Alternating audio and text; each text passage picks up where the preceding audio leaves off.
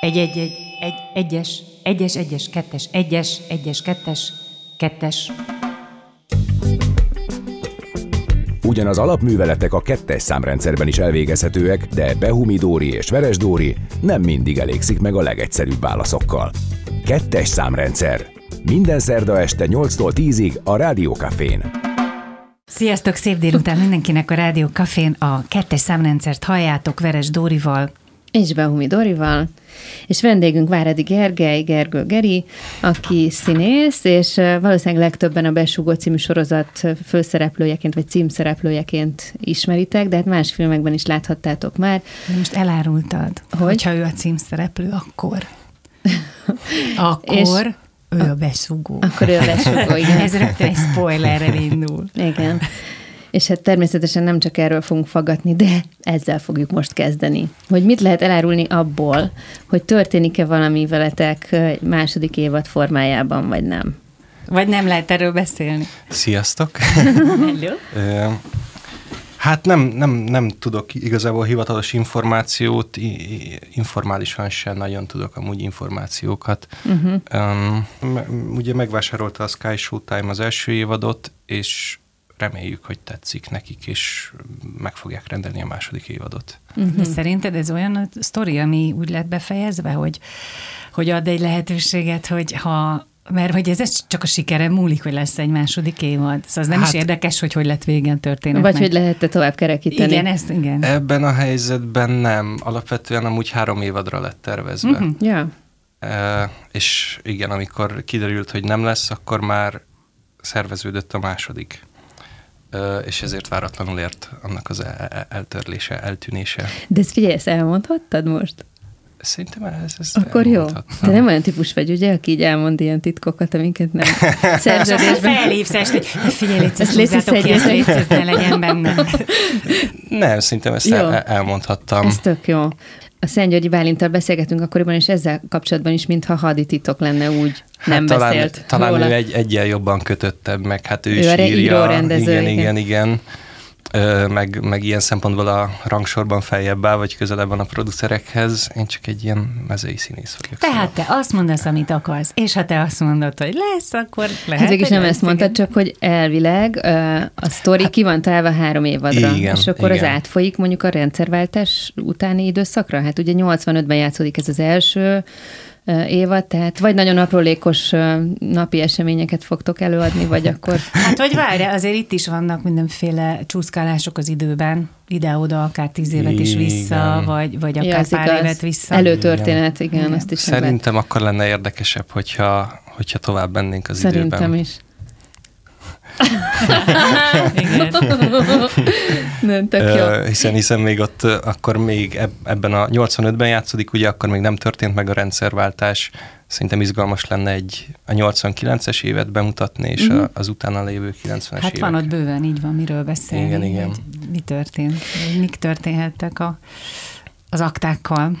És arról a fiaskorról lehet kérdezni, hogy tulajdonképpen mi történt itt az HBO-val, vagy ezt már mindenki tudja, csak én nekem elkerült a figyelmemet? Hát ez érdekes, mert igazából én is szinte a sajtóból tudtam meg, hogy mi történt. Ugye röviden, csak azért, hogy Ö... lehet, hogy evidensnek kezelünk valami olyan információt, amit a hallgató nem tud, hogy két hónapig ment a besugó. Hát sőt, ott, ott került bemutatás a magyar kifejezéssel, tehát ott mutatták be, lett egy óriási sikere. Hát tehát pont egy, most egy olvastam, hogy... egy ilyen berobbanó nagy siker hogy volt. Két hónapig elengedett tartalom volt. Igen, igen, oda vertük a, akkor azt hiszem a Batman jött ki még. Igen, és, és jobbak voltatok. Igen, igen. És akkor egyszer csak mindenkit sokkol. Hát épp kezdtük volna másodszor ugye újra nézni, az apró részleteket felfedezendő. Mikor is jött a hír, hogy, hogy nem fogjuk tudni. Hogy, hogy nem lesz. De miért? Igen. Öm, hát legjobb tudomásom szerint azért, mert ö, ö, egy jó nagy tartozást felhalmoztak, és, és ö, annak érdekében, hogy nem tudom minek érdekében, de megszüntették. Ugye ennek az volt a fő iránya, hogy Európában is elkezdjék a gyártást és el is kezdték a gyártást, volt a cseheknél is futó produkció, a szlovákoknál, lengyeleknél, meg egy román cucc is. Úgy érted, hogy a saját gyártású sorozataikat. Igen, Azokat er- igen, igen, igen, igen, igen, igen. De hát az egészet lefújták. Még, még pont ezt a román sorozatot még befejezték, annak a forgatása közben jött ez a hír. Uh-huh. és úgy tudom, hogy azt még befejezték, és azt hiszem most, most láttam belőle valami anyagot, hogy ez ki fog jönni. És ilyenkor a produkciónak kell tovább házalnia, hogy legyen egy platformja, ahová újra felkerülhet? Ebben annyira nem vagyok beavatva, de szerintem itt azért az HBO Max magyar igazgatósága ebbe nagyon partner Lobbizott. volt, és igen, igen, és segített, uh-huh. jó hely, hogy, hogy jó kezekbe kerüljen a sorozat. Mennyire unod a besugóról való, való beszélgetést, és az, a standard kérdéseket, amiket most fel fogunk szerinted tenni? Nem tudom, milyen, milyen standard kérdéseket Hát figyelj, feltenni. nyilván aki utána olvas, meg tudja majd, hogy akár cikkekből, akár más hanganyagból, hogy te végül is hogy kerültél ebbe a sorozatba, hát de nálunk is meséld el, kérlek. Tehát, hogy ugye az a helyzet, hogy ez valami majdnem egy éves casting sorozat volt, mielőtt téged Igen. kiválasztottak. Mi a fenét lehet egy évig castingolni? Hát, hogy tényleg a legmegfelelőbbeket, tehát látod, hát tényleg a legmegfelelőbb szereplők. Egyébként ezt valóban el lehet mondani a sorozatról, hogy, hogy minden hogy szereplő abszolút tökéletesen meg lett találva. Köszönjük Úgyhogy szépen, e, vagy hát a történt. casting direktorok köszönjük ez, ez történt egy éven keresztül, de akkor Dori, mesélnél arról, hogy... igen, ez úgy volt, még szemvilágosan. Szóval Gergő, mesélj. Egyáltalán te jártál akkoriban mindenféle castingokra intenzíven? Nem annyira, képzeljétek hogy annyira nem intenzíven, mert mint ehhez kapcsolódóan ott bekerültem egy ilyen folyamatba, és akkor ott jött egyik a másik után, az egy év volt, egy év alatt voltam ott 14-15-ször, és az, az, az sok volt. Tehát egy idő után már csak úgy mentem oda, hogy így próbálok ott, és akkor... De mi az esélytelenek nyugalmával mentél, vagy Persze. azért egyre nőtt benned? Ne, ne, nem. Nem hagytam, hogy nőjön. Ja. Mert hogyha felfogom azt, hogy ennek mekkora tétje van, akkor biztos, hogy nem fog sikerülni. Úgyhogy uh-huh. inkább így eltartottam magam, addig nem, nem dédelgettem ilyen fölösleges álmokat, és így, ja, így, így összejött, vagy hát nem izgultam annyira igen, hogy megkapom-e vagy nem. Szinte igen, ettől lett egy lazaságom, ami meg jó, jót tett így a színészi dolgaimnak is. És hogy találtak egyetlen rád? Mert neked akkor már volt azért a Gerilla című produkció, amiben főszerepet játszottál, meg még talán még egy film, de hogy azért még egy kezdő színész voltál, kezdőfilmes. Még most is. Most is ez vagy? Persze. Csak két éve végeztem. Öm, hogy találtak rám? Egy casting ügynökség keresett meg először, és akkor igen, hogy miért volt egy éves, közben arra is válaszolok akkor, hogy az első köröket ezt a casting ügynökség csinálta meg, és akkor utána, ahogy fogytak az emberek, mármint a, a lehetőségek, színészek, úgy szépen lassan bejött az egyik rendező, a, aki akkor a Bálint volt, és elvileg rendezőket is így castingoltak, vagy így kerestek, és így lett aztán a Miklausics Bence és a Mátyási Áron, és akkor nekik is volt valami a fejükben, hogy ki, ki, kiket szeretnének, és akkor ezt próbálták összesakkozni, de azt is közben, hogy a szereplők egymáshoz is passzoljanak. Ö, és akkor ezután még kiküldik Angliába, Londonba, hogy ott rábólítsanak a hm. fejesek, onnan kiküldik még Amerikába egy ilyen végső rábólintásra, és ezért volt ennyire sok kör belőle. Ez, ez eléggé idegtépő. Tehát, hogyha ha nem lenne valakinek ilyen képessége, mint neked, hogy, hogy tudatosan, aki távol tartja magát ettől, azért ez, ez ez elég, eléggé ilyen idegesítő, nem? Az, Vagy az. lehet, hogy egy idő után már így elmúlik ennek az élet, tehát amikor már ötötszörre hívnak be, akkor tényleg úgy mész oda, mintha már hazamennél. Nem múlik el szerintem. Nem múlik el. Nem, nem. Ezt 14-szer lejátszottam magamba. Hogy... De és ez ugyan, tehát hogy volt olyan, hogy ugyanazt a jelenetet kellett például többször? Ö... Volt, több partnerrel, vagy igen, más emberekkel, más színészekkel. Azt Elmondasz egy ilyen jelenetet? Beszélgettünk, van egy ilyen fürdős jelenet, amikor egy ilyen konténerbe fürdünk, és akkor ott majdnem lebukok, hogy a, ki a diktafon, és a uh-huh. Máté elvállalja, hogy az övé, és utána van egy beszélgetés a Szávával. Uh-huh. Hogy a Száva a másik főszereplő. A, igen, a Patkos Marci. és ő azt mondja, valami olyasmit mond, hogy a komcsik bármennyi virágot leszakíthatnak, úgysem tudják megállítani a tavaszt. E, ez, hm. ez volt igen, az egyik igen. ilyen jelenet, amit csináltunk castingon, és ezt több, több, több emberrel is meg kellett csinálni. Azért mondtam amúgy pont ezt a példát, mert, a, mert ez volt az a pont így a casting folyamat során, amikor így, amikor azt éreztem, hogy jó, vagy így meg betaláltam, és amúgy később kiderült, hogy ez volt az a pont a Szentgyörgyi Bálintnak is, aki nézte ezt a mhm. casting jelenetet, amikor azt mondta, hogy e, ez a két csávó kell neki. Aha. És Az mennyire PC, ha megkérdezem, hogy ki, ki volt az utolsó körös legnagyobb ellenfeled? Hát ezt én nem feltétlen mondanám. Uh-huh. Mármint szívesen nem mondanám, de... De, de nem nyilvánosan nyilván. Igen, igen. Aha. Jó, de tehát ismerted és tudtad, hogy, hogy ki az, akivel most nagyon meg kell küzdened.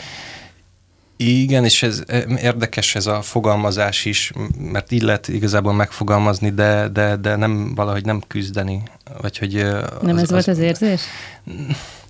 Mert így ez egymással szembe tud állítani talán minket, és miután kiderült, hogy meg, szóval, hogy ezt nem szerettem volna, hogy azért, mert mondjuk, vagy én megkapom, vagy ő megkapja, valami rossz érzés legyen. Persze, hogy van rossz érzés, hogy hogyha mondjuk nem én kaptam volna meg, akkor szomorú lettem volna, de akkor se lehetek irigy rá, vagy hogy Persze. akkor se sajnálhatom, hogy, hogy, hogy ő kapta meg. Így, igen, az kemény volt, és, de utána azóta jóba vagyunk azzal a sráccal is, szóval. Mert hogy kellett egy kis idő, amíg ezt feldolgozza, és újra egymásra tudtok köszönni? Azért ezek tényleg, tehát ezek nagy munkák. Én azt gondolom, hogy ez így volt. Nem, vagy, nem vagyok vele mindennapi kapcsolatban, de, de, de, de bennem szerintem így lett volna. Uh-huh. Pedig azért van ennek egy olyan olvasata is, nem, hogy nyilván persze az is nagyon számít, hogy valaki a szakmájában mennyire, mennyire jó, de, de egy figuránál végső soron az dönt, hogy, hogy kire öntötték rá, nem, azt a figurát. Az is lehet, hogy nem olyat képzeltek el, amilyen te vagy. De aztán, amikor ott álltál a kamera előtt, azzal az másik emberrel, akkor egyszer, mint a rendező megvilágosodik, vagy van egy ilyen flash, és azt mondja, hogy igen, ez az, ezt akarom látni. És Abszolút. erre nem lehet készülni, vagy trenírozni, vagy szöveget gyakorolni, vagy igen, a nem arra szól, hogy ki a színész, hanem... Igen. igen, hát hogy milyen, igen, igen, és ezzel is le kell tudni dílelni, de nem csak amúgy filmeknél, hanem uh-huh. színházba is szerintem. Na most beszéljünk egy picit erről a szerepről, mert hogy ez nagyon izgalmas fiatalként egy nagy produkcióba, ahol igazán nagyon nagy közönség ismeri meg először az arcodat, egy kérdéses figurát játszani, de hogy itt most igazából ez a kérdés, hogy neked mennyire kérdéses a ott is Geri figurája, term- az ő természete, az ő személyisége számodra mennyire volt pozitív, vagy mennyire volt kérdéses, szóval az a morális dilema, amivel ő küzd, ugye, hogy beszervezik besugónak és még hozzá azzal zsarolva, hogy a, a fiú testvér, a kis öccse nem kapja meg az életmentő gyógyszert, hogyha nem áll be. Az számodra mennyire okozna gondot? Hát nagyon. Nagyon. Mert mint hogy morálisan. Igen. Ö, nagyon nehéz kérdés, mert én még nem éltem a kommunizmusba, és hál' Istennek nem kellett ilyen, ilyen dolgokkal szembesülni. Ehhez hasonló dolgokkal kell szembesülnöm ez alatt a két éves pályafutásom alatt. Ne hülyeskedj hasonló dolgokkal. Hát... Most az eszefére gondolsz nem ennyire, például? Igen, igen. Majd a szakmának az átpoliti, ez Igen, igen. Majd beszélünk arról is, de szerintem ez nem, nem rendszertől függ. Tehát, hogy nyilván a kommunizmusnak volt egy ilyen vagy, vagy az elnyomásnak van egy ilyen természete, hogy esetleg állampolgárok ilyen helyzetbe tudnak kerülni, de ez ezért annál egy sokkal mélyebb morál, tehát hogy ez önmagában é, egy mélyebb morális abszol, kérdés, abszolút. ami nem függ rendszertől. És, és, és nem is, nem feltétlen akartam ezt eldönteni magamban, és, és talán a mai napig sem, hogy, Persze, hát lehet a Demeterrel egyet is érteni, meg nem is érteni egyet, amúgy ez, ez benne az izgalmas, Persze. hogy, hogy ebb, sőt színészileg is ez a jó helyzet, hogy lehet uh, rossznak lenni, vagy mert mint gonosz, vagy hogy uh-huh, gonosznak lenni. De hát ez egy olyan kérdéskör, ami, ami, amit így a 89 óta nem sikerült lezongorázni a Magyarországnak, én ja, azt érzem. Az, az ügynök múlt. Igen, az ügynök múltat, igen, igen, a, mert hogy még ma is vannak ilyen zárt akták, vagy hogy nem az összes uh-huh. ügynök aktát hozták nyilvánosságra, és még tapintható, vagy érezhető a ma, ma, mai világunkban is ennek a kommunizmusnak így a lenyomatai nagyon sok formában. Tehát igen, mondjuk ez, ez, ez, ez egy nagyon, mert tudom, hogy sokan támadták azért a besugót, hogy, hogy, hogy nem így történtek a dolgok, de szerintem nem ez a jelentősége igazából ennek a sorozatnak, hanem pontosan ez a kérdés, hogy lehet ezt relativizálni? Tehát, hogy lehet-e azt mondani, hogy jó, hát ahhoz képest abban a rendszerben egy árulást, és amit említesz egyébként, hogy, hogy, hogy a gonosz, tehát azt tudom, hogy színészek jobban szeretnek egyébként negatív figurát játszani, mint, mint pozitívat, mert az valahogy, valahogy érdekesebb, de hogy én úgy éreztem, hogy, hogy csak így a sorozat felénél kezd el ez a, ez a gonoszabb énje kijönni. Igen, a, a de azt, azt nagyon jó. Akkor jól csináltuk. Jól csináltad, akkor ez ja, volt a, a szándék. Szóval akkor színészként ezzel a szerepen mit tudsz kezdeni? Hogy tudod megfogni? Ha igazából te se, Váradi Gergely se döntötte még el, hogy, hogy Demeter Gergely de milyen figura? Ja, én morálisan nem döntöttem el. Abba nagyon is beleállok, amikor gonosz, vagy amikor jó mert amikor jelenteni kell, akkor jelenteni kell. Uh-huh. hogyha, és azt jól kell csinálni mindenképpen, hogy ne bukjak le. E, igen, hogyha meg, majdnem azt mondtam, egyetemet kell foglalni. hogyha, meg, hogyha, hogyha meg a rendszer ellen kell lázadni, ak- akkor meg az ellen kell lázadni, és abba kell profi lenni. Szóval ez a két, színészileg nem középen maradtam, hanem ebbe a két tudosba, viszont emberileg talán maradt, emberileg maradtam középen, vagy próbáltam, azt hiszem. És neked bármit ezzel az egész ügynök problémakörrel kapcsolatban megmagyarázott ez a sorozat?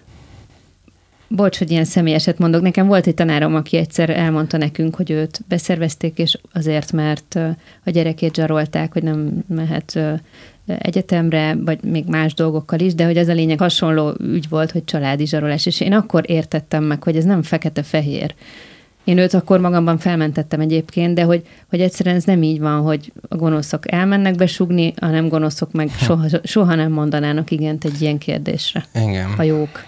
Szóval Igen. te hogy teszed ezt így most magadban rendbe, ezt az ügyet? Hát inkább kérdéseket vetett fel bennem, valami a hasonlókat. Ö, nincs erre egy ilyen kész válaszom, azt hiszem. Mm, hát, hogy mi Szóval, hogy hogy lehet megfogni az embereket, és ki az az ember, akit meg lehet fogni. Hogy, hogy ezt aktualizáljam, hogy, hogy hát azért most is nagyon sok embert megfélemlítenek, uh-huh. vagy hát így a hatalom, vagy nem tudom, hogyha, és, és nagyon sok ember be is tagozódik ebbe a rendszerbe. Szóval a részesévé válik ennek a rendszernek, és onnantól kezdve hiába nem tetszik neki ez a rendszer, nem biztos, hogy tud mondani érvényes kritikát, hiszen ő is a részese annak. Ilyen szempontból talán vontam le tanulságot a Demeter Keriből, hogy ilyen, ilyen téren nagyon radikálisnak kell lenni. Vagy Tényleg? Hogy... Te, te nemet mondtál volna? Hát én most Váradi Gergely sokszor mondtam, azt, vagy hát többször mondtam nemet dolgokra a mai életemben, itt nem, nem, nem zsaroltak, hanem csak igazából lehetőséget kaptam, és visszautasítottam azt a lehetőséget, amivel sokkal könnyebb lett volna az életem, hogyha azt megcsinálom, mert anyagilag egyszerűen megéri, viszont, viszont morálisan szerintem nem éri meg.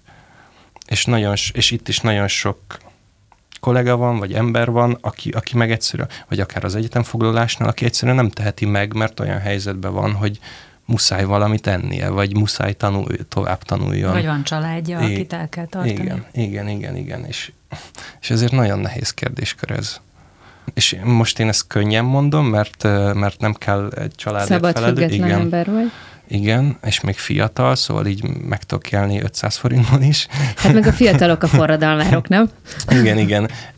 Úgyhogy, ja, úgyhogy én ezt így kép, vagy próbálom képviselni, de, de sajnos meg, meg kell értsek vagy hát nem sajnos, de meg kell értsem a más helyzetben lévő embereket, akik e- ez nem csatlakoznak igazából. Uh-huh. Közben meg tök jó lenne, hogyha, hogyha közösen tudnánk fellépni, mert akkor, akkor van igazából e- erőnk. Mert amúgy meg, hogyha én azt mondom egy munkára, hogy nem vállalom el, akkor valaki más elvállalja. De mondjuk nekem ez érdekes, hogy ennyire olyan ajánlatokat kaptál, vagy olyan lehetőségek ütötték fel a fejüket így a besugó után, amire ilyen radikálisan nemet kellett mondani? Nem azt mondom, hogy így dézsából öntötték ezeket a lehetőségeket. Az, az állami, a mostani ilyen nagy állami történelmi sorozatokra gondolsz? Uh-huh. Na de várjatok, én azt vettem ki a szavaidból, hogy te is pont azt tanultad meg ebből a szerepből, hogy semmi nem fekete-fehér. Semmi nem fekete-fehér, de ameddig én olyan helyzetben vagyok, hogy meg tudom hozni azt a döntést, hogy kategorikusan azt mondom, hogy nem, hm. akkor, akkor, akkor azt meg fogom hozni. Na igen, én nem a te Nagyon döntésedre fél... gondolok, hogy fekete-fehér, hanem hogy ha, amiről azt ítélet, hogy az fekete vagy fehér, az nem biztos, hogy tényleg egyszínű. Inkább azért mondom, hogy Szóval, hogy És nem, ha nem, nem gyűlölni kell azokat tehát, hogy... az embereket, akik, uh, szóval, hogy nem akik csuklóból, igen, igen, hanem, hanem, hanem meg kell vizsgálni minden esetet egyénileg, ami egyszerűen nagyon nehéz, mert, mert mindegyik tényleg különálló eset, és, és, és nem lehet sztereotípiák ban beszélni ezekről a dolgokról. Ez azt is jelenti, hogy te például nem tudsz haragudni, vagy ferdeszemmel nézni olyan kollégákra, akik viszont elvállalnak ilyen? Dehogy nem, hát én dehogy nem. Ember, emberből vagyok én is, csak csak mondjuk nem, nem, nem fogok nekik menni semmilyen, mert mint hogy semmilyen eszközzel vagy szinten. Ö, maximum velük, velük beszélgetek erről, és akkor próbálom, vagy kialakul egy egészséges vita talán. De ez jó, mert ez nekem azt jelzi, hogy akkor a ti generációtok azért már az, aki majd szóba fog állni azzal, aki teljesen más gondol a szakmáról, világról, legfeljebb konstatáljátok majd, hogy továbbra is más gondoltok. Mert azért szerintem a mostani pozícióban lévő idősebb generáció ezt most nem teszi meg. Nem, nem teszi meg. Nem tudom, hogy ez a, úgy általában reménykedek, hogy a mi, mi generációnkra ez igaz. Én ezt nagyon-nagyon az egyetem foglalás alatt tanultam meg. És most mielőtt ezt elmesélnéd, zenélünk. Bocs, csak közben jó, muszáj egy, egy pici szünetre elmenni, és Bár akkor ne Gergely. felejtsük el, hogy egyetemfoglalással foglalkozunk majd. Folytatjuk a kettes számrendszert veletek, kedves hallgatók, és Behumi Dórival, Veres Dórával, és Váradi Gergelyel, aki színész, és akivel az egyetemfoglalás zászlaját húzzuk most fel a zászlórudra, oh. mert hogy te negyedikes, negyedéves voltál, vagy öt? Öt. Úristen, már öt, öt éves a Színművészeti Egyetem. Ötödéves voltál, amikor az óriási balhék történtek néhány évvel ezelőtt, két évvel ezelőtt. Te, te 20, tulajdonképpen 21, bizonyos értelemben megélted mindannyiunk álmát, mert aki Petőfi Sándort ismerte, az vágyik arra, hogy egyszer márciusi if, ifjú legyen. Hát nem tudom, az én vágyam inkább az lenne, hogy ilyen ne történjen meg, olyan helyen éljek. Tényleg? Ahol... Én meg mindig vágytam volna, hogy egyszer, egy forradalomban, egy szabadságharcban. Én, én arra vágytam volna, hogy szóba se jöjjön egy egy ilyesmi. Főleg aztán, hogy a vége lett. Na minden esetre te el tudod mondani, volt. hogy hogy történik egy ilyen. Szóval, hogy ez igaz, hogy öt perc alatt történnek a dolgok általában?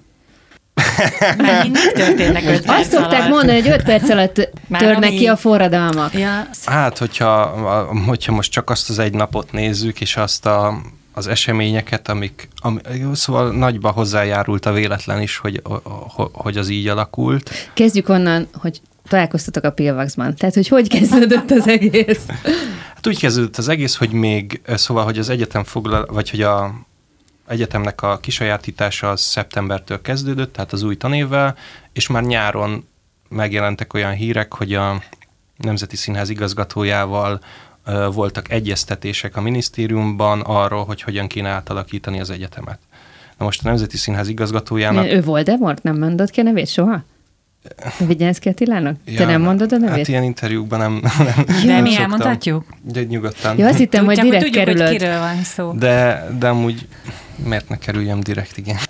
Nem, általában ilyen interjúk során nem, nem mindig jó, vagy hogy nem jó neveket. Ezért inkább körbeírom, és mindenkinek érthető lesz. De... Sokat fogjuk törni a fejünket, hogy ki volt a Nemzeti Színház igazgatója. Jó, igen. Jó, de hát lehet, hogy nem minden hallgató tudja. Oké, okay. na jó, igen. Szóval, hogy ott már, uh, szó, igen, hogy ott voltak hírek erről, hogy elkezdtek egyeztetni. A, a probléma az volt, hogy a Nemzeti Színház igazgatójának ekkor nem volt hivatalosan semmi köze az egyetemhez. Tehát ti gyanakodtatok valamire. Hát már azért lehetett számítani, mert úgy volt, hogy még Debrecenből indultam, úgy vicces, mert ott voltam gimis, és akkor volt ott uh, ja. igazgató, és még a ő színházán nevelkedtem, és ott nagyon jó színházat is csinált. Figyelj, Aztán... tényleg, ezt mindig jegyezzük meg szerintem, nagyon hogy zseniális rendező. Én is láttam fiatalabb koromban őt. Volt. szerintem. Azt nem tudom most. Uh, a, Én is régebben láttam dolgét, én opera rendezését láttam. Hát nyálcsorgatva, tehát fantasztikus gondolkodó volt. És aztán elkerült Kaposvárra, ott, ott elfoglalta az egyetemet, vagy hogy ott hoztak egy jogszabályt, és akkor, egy, és akkor lehetett, ő is betöltette azt a pozíciót. Szóval igen, és ott elkezdte csinálni ezt a képzést, és arról jöttek mindenféle hírek kaposvári ismerősöktől, mert hogy amúgy mi meg tök jóba vagyunk a kaposváriakkal, vagy hogy én akit ismertem akkor, amikor az egyetemre jártam, mert gimis osztálytársak, meg ismerős ismerőse, szóval, hogy így a diákok között nem volt semmilyen feszültség. Ö, inkább hallottunk tőlük ilyen meg olyan híreket, amik nem feltétlenül voltak jók, ö, és akkor már számíthattunk arra, hogy, hogy, hogy akkor megindul az ostroma az SZF-ének, és akkor er, erről elkezdtünk nyáron beszélni. De ti az ötödévesek? Hát ott volt egy ilyen 20-30 fő szerintem körülbelül, a, a, aki ez így rácuppant erre, és, és félt, vagy fontosnak tartotta ezt a dolgot, és akkor szépen lassan ez, ez, ez kibővült, és erre mondták ezt erre a nyári beszélgetésre, hogy milyen felkészítő táborokat tartottunk, hogy, és bújtogattuk Igen, az embereket, hogy, Közben meg amúgy meg minden évben van egy nyári egyetem. Itt a nyári egyetemnek a, ez, ez volt a témája, hogy ez a helyzet, vagy hogy... Uh-huh, hogy mit tegyetek? Igen, igen. És akkor voltak ilyen kurzusok, nyilván próbál, szóval, hogy mondjuk voltak ilyen filmek, mert hát ugye az is a, így a szakterületünk, és akkor volt egy, egy Blokáda nevű film, ahol, ahol volt egy ilyen doksi film egy egyetemfoglalásról. Ezen is nagyon kivoltak, hogy így Igen, ezt lehet úgy nézni, hogy készültetek, készítettek benneteket hát, arra, hogy mik a módszerek ilyenkor. Hát igen, de közben meg nem véletlenül, hiszen ezt akarták csinálni, és ezt is csinálták. Szóval, Igen. hogy magunktól nem kezdtünk volna elkészülődni ilyenekre, mert hát álmunkba se gondoltuk volna. És amúgy még, még, még az utolsó pillanatig talán nem. Szóval, hogy ott ö, akkor még nem működött ennyire hivatalos formában, hogy van ilyen fórum és kiépült rendszerek, vagy hogy ja, igen, a, a bejáratott dolgok, amik ott működtek az egyetemfoglalás alatt, és egy opcióként került szóba az egyetemfoglalás, ami le is lett szavazva, vagy valahogy így el lett vetve. Ö, igen, és akkor most ugrok egy nagyot az időben, a augusztus 31-e éjfél előttre, ahova szerveztünk egy tüntetést, hogy, hogy elbúcsúztassuk az egyetemet, és ennek a tüntetésnek az lett a vége, hogy a 10 perccel a vége előtt leszakadt az ég és az eső miatt bement mindenki a, a, az épületbe, az aulába és, a, és az Ódri színpadra, ami meg érzelmileg még felfűtöttebbé tette ezt a társaságot, hiszen oda jártunk, és az volt a tét, hogy ezt most elvesz, elveszik tőlünk, és megszűnik az a közösség. És ebben a, ebben a hangulatban visszaszámoltunk közösen, volt egy perc néma csend, és akkor egy euforikus... Teatrális megoldások, ugye a színvészeti?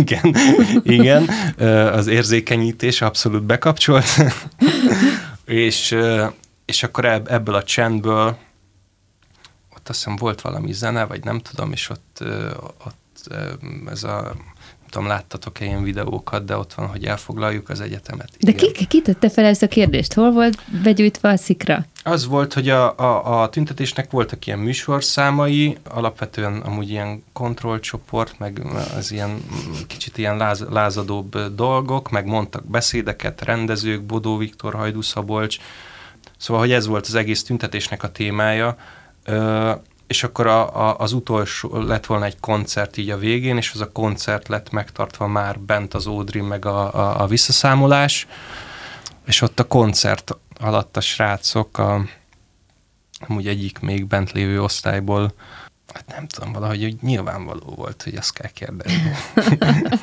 hát feltették a, a, a 10 millió forintos kérdést, hogy na akkor elfoglaljuk az egyetemet? És 200 ember azt kiabálta, hogy igen. nem tudom, hogy ezt hogy mennyi, ki mit gondolt abban a pillanatban, vagy hogy mennyire vette ezt komolyan. És Meg akkor, hogy kinek mit jelentett, hogy elfoglalni. Igen, hogy elfoglaljuk az egyetemet? Igen. Elfoglaltuk az egyetemet? Igen. és másnap ö, csoportja az embereknek elkezdte kiszallagozni az egyetemet, és el volt foglalva. És te is az, azok között voltál, aki ott bent volt, és akinek pizzákat vittünk? Igen. Tehát ti ott töltöttetek napokat? Ott töltöttünk, igen, igen, igen. És egyre nőtt bennetek a harag, vagy a reménytelenség, vagy milyen érzések kavarodtak bennetek ott, ahogy telt az idő? Az első két hét volt szerintem a legkirályabb. mert akkor... akkor még vitt a lendület? Maga? Meg akkor nem volt még tanítás, szóval, hogy a, a, az Uppor László, aki akkor volt a rektor, vagy hát aki nem nevezett rektor, mert hogy megválasztotta az egyetem szenátusa, de a minisztérium nem volt hajlandó kinevezni. kinevezni.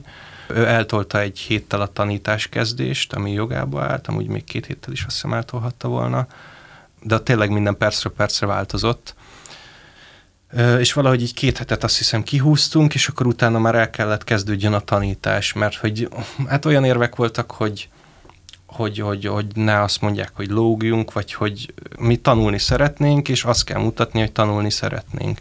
Csak nem hagynak minket norm békén igazából. És amúgy egyet, egyet is értek ezzel a gondolattal, meg nem is, mármint, hogy én hogy tudok tüntetni, mármint hatást gyakorolni, nincs a kezemben semmi eszköz, maximum azt tudom csinálni, hogy nem végzem el a munkámat, vagy a feladatomat. Most ez diákként elég furcsa kérdések elé állít, mert hogy én azért vagyok ott, hogy csináljam ez azt, hogy megtanuljam. Igen, igen.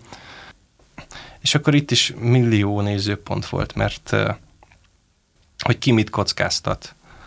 Mert a, a, az első másodéves osztályok attól féltek, nem tudom mitől féltek, hogy, hogy nem fogják tudni befejezni a tanulmányaikat.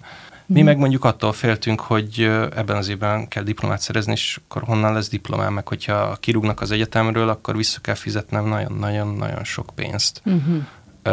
Szóval nekünk meg ilyen tétjei voltak a dolgoknak. És akkor ezekben a napokban, hetekben ezekről beszélgettetek ott? I- igen, igen, igen. És akkor a kérdés az, hogy milyen érzések kerekedtek ebből? így kerültünk -e erre, azt hiszem erre a témára, mármint az egyetemfoglalásra, hogy a megtanulni, megérteni a másik álláspontját, még hogyha az nem is tetszik. Hát ott nagyon parázs viták voltak, de egy ilyen 8-10-12 órásak. az kemény, kemény műfaj volt, és szóval, hogy ott volt életemben először eddig a legerősebb demokrácia élményem. Ott ilyen bázis demokratikus rendszer volt, ami azt jelenti, hogy mindenkinek volt egy szavazata, és hogyha szavazás volt, akkor, akkor szavazhatott. Ezért fontos is volt ott lenni ezeken a, a, az eseményeken, vagy szavazásokon, vagy fórumokon, megbeszéléseken. És, és, és tényleg fontos volt, hogy felteszem a kezemet, vagy hogy, hogy, hogy én merre szeretném, hogy menjen tovább ez a dolog. Hány emberről beszélgetünk? Körülbelül, hát, akik ott voltatok ilyenkor? Állandóan egy ilyen 40-50-ről, és akkor a, a, a bővebb társaság meg egy 150 fő. Uh-huh és, és hát az ilyen 150 fős fórumok, azok nagyon fárasztóak voltak. Hogyne? Mert egyáltalán az, hogy ki tudjunk alakítani egy rendszerét, hogy hogy lehet mégis ennyi emberrel hatékonynak lenni, mert mint így haladni a dolgokba, ami nem ment zöggenőmentesen, és főleg a Hát sajnos ezt kell mondani, de a tanárok miatt nem, de hát amúgy megérthető, mert eddig egy teljesen aláfölé rendelt viszonyban viszonyba szoktunk bele, mi, mi is, és mondjuk volt olyan, hogy két percet beszélhetsz, vagy hogyha ismétled magadat, akkor, vagy már elhangzott ez a gondolat, akkor, akkor ilyen mondjad. kézjelek voltak, és akkor így jeleztek emberek, meg egyet nem értés, meg egyetértés, meg és amikor ezeket így látták a tanárok, akkor kikérték maguknak, hogy de hát na, hát most... Ők hadd mondják el. Igen, igen, igen.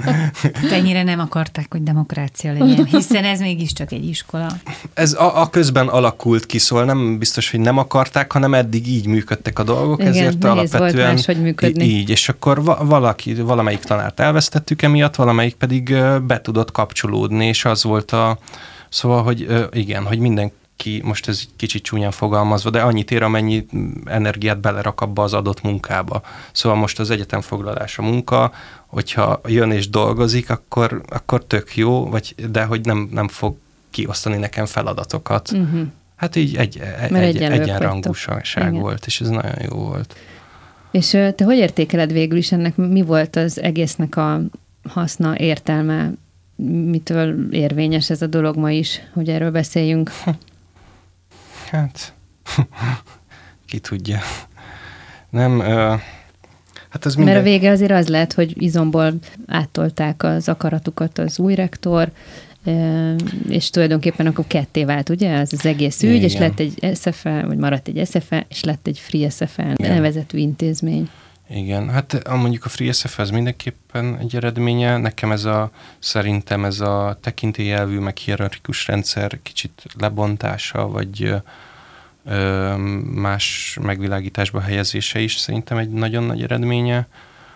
Azért nem, nem voltak nagyon hiú álmaink, szóval reménykedtünk mindig, hogy ezt sikerül végigcsinálni, de tudtuk azt is, hogy közben meg tudtad azt, hogy egy ekkora hatalommal szemben ti tényleg felmértétek ezt, hogy mennyire teljes mértékű elzárkózás lesz a, a párbeszédtől? Mert igazából itt ez, ez egy ilyen nullás harc volt ilyen szempontból. Igen, de, de igen, és ez az, amiért még jó volt szerintem, hogy precedens értékű volt.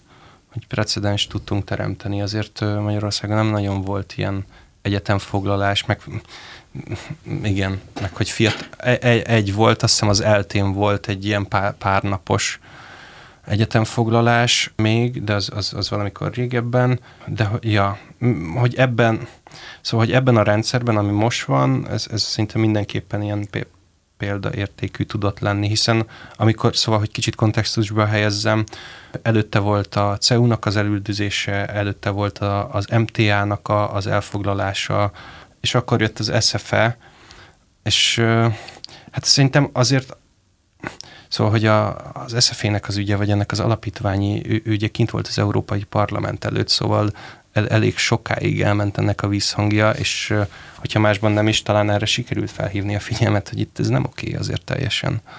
Hát igen, ti színészek színpadra vittétek a, az ügyet, az az igazság, szóval, hogy ott generáltatok egy színpadot és egy közönséget neki. Ez is sok kérdést felvetett ott bennünk, hogy, hogy, hogy milyen tüntetést csináljunk, mert szóval, hogy addig ezek a hm, hát csúnya szavakat kiabálunk, gyújtogatunk, vagy ver, nem tudom, az, az, az nekünk nem volt oké, okay, ja, mert, mert attól tám, támadhatóak Persze. vagyunk mi is.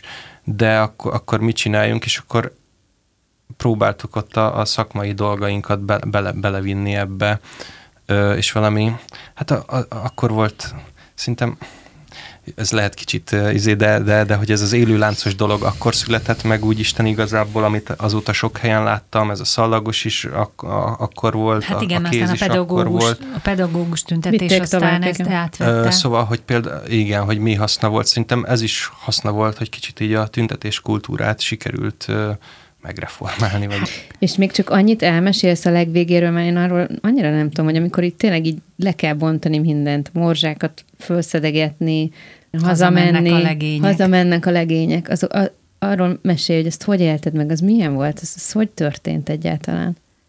Hol volt a pont, amikor megéreztétek, hogy ez eddig tartott sajnos? Hát az volt, hogy nem volt fűtés, nem? Vagy, vagy, vagy a Covid miatt, a Covid miatt végül az egész Tényleg? ügy fel lett számolva. Igen, mert meghoztak egy... A, a, Bezárták az intézményeket. Igen, igen, és akkor csak a, a, azt hiszem tíz fő alatt lehetett tartózkodni az intézménybe, és csak annak, akinek ott van hivatalosan a lakhelye, és nem tudom, és akkor hát ott hány, meghánytuk, vetettük a dolgokat, és Hát akkor még, szóval, hogy kaptunk anyagi támogatást is, akkor még nem volt annyira sok, és inkább úgy határoztunk, hogy bejöhet a pár rendőr, megbüntethet minket, azt ki is fizetjük, de aztán utána újra, és akkor újra, és akkor nem erre használjuk el azokat a forrásokat, hanem akkor még talán kicsit olyan szándékokkal is indult az egyetemfoglalás, de hogy e-, ez kicsit így érintettem is, hogy csak diákok voltak először és igen, azt meg kell hagyni, hogy, hogy, hogy az a rendszer, ami, ami akkor volt, akkor már egy elavultabb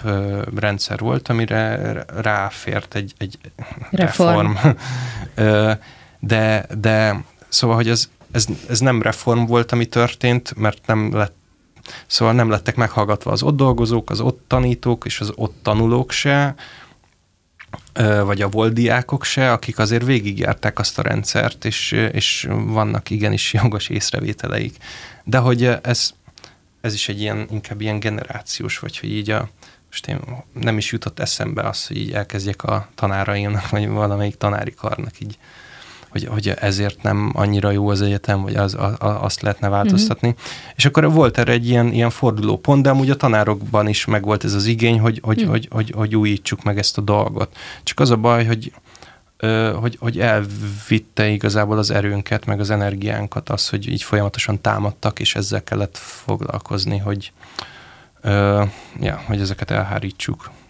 Személyesen, hogy élted meg a legvégét? Összeszedted ja, a cuccaidat? Semmi baj. És hazaban laktál? Maszkban? Hát én ott voltam ezen a, ezen a fórumon, ahol, ahol megszavaztuk, hogy el, el, elhagyjuk a, a, az épületet, az, az síri hangulatban telt, meg már azért fáradtak is voltunk egy picit. Uh, és Mennyi ideig tartottátok 71 magatokat? nap volt. 71 nap. Azért az sok. És akkor ott összeszedtük a cuccunkat. Mm, hát a szalag, szóval nem mi szedtek, szedtük le a szalagokat. Azért annyival nem könnyítettük meg a dolgokat de, de akkor hazamentünk, és akkor Covid volt, és mindenki bezárkózott haza. Igen, ez mennyire szörnyű, nem, hogy még közösségben meg se tudtátok így osztani egymással ezt a, ezt a letörtséget, vagy csalódást, vagy szomorúságot uh-huh. nyilván, hanem mindenkinek izolálódni, tehát igen, izoláltan igen. otthon, hát ez szörnyű lehet. Hát addigra már szóval, hogy az, igen, már azért jóval a közepénél készültünk egy ilyen vésztervre, Emergency Exit, ez volt a neve amúgy ennek a programnak. Hát, hogy a különböző egyetemeket beszerveztünk külföldről, szerveztünk. és, vagy hát megkerestünk, és megbeszéltük vele, velük, hogy... Hihetetlen. Forgatsz pár részt a besugóval, és ez, ez az ige, hogy beszerveztünk, ez átértékelődik benned. igen, igen.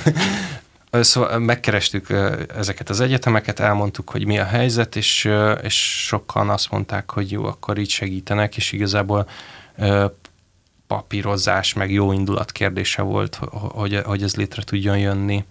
Így lett neked is Salzburgi igen, diplomád végül. Igen, igen, igen, igen. Bocsánat, csak hogy válaszoljak a kérdésre. Képzeld el, nem emlékszem arra az időszakra, vagy hogy valahogy... Törlődött. Ez, igen, ez a kép még nagyon erősen megvan, ez a szavazás kép, hogy akkor mi legyen, és utána, utána, utána nem tudom. De ja, azért mert trauma, szerinted is törli az agyad? Igen, hát azért még a mai napig szóval, hogy most láttam egy, egy cikket, a, amit az Attila, a Nemzeti Színház igazgatója nyilatkozott, és, és azt mondta, hogy nehéz lett volna szakmai alapokon átalakítani a, a, az intézményt, mivel hogy az egész politikai alapokon nyugodott.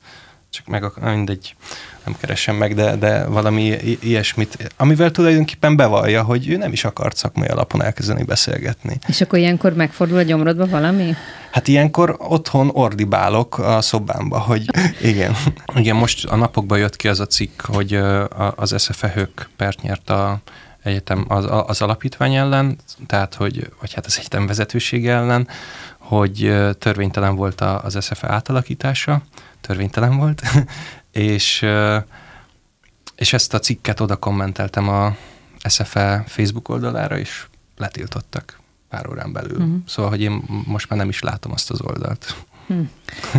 és ez szerintem nagyon sok mindent elárul. Hát ez a... önmagáért beszél, természetesen. De tudod, mi jutott eszembe, hogy így lezárjuk ezt a blokkot, hogy igazából ez is egy olyan sztori, amit egyszer majd egy másik Kisváradi Gergely pár generációval később egy filmen leforgathat. Pont ezt mond, gondoltam, miközben meséltél erről, hogy már így biztos, hogy van, aki, tehát az amerikaiak már biztos lekötötték Írnák volna a forgatókönyvet. Hát lehet, hogy besugol 45. része, vagy évada erről fog hát, szólni. Hát, vagy a második.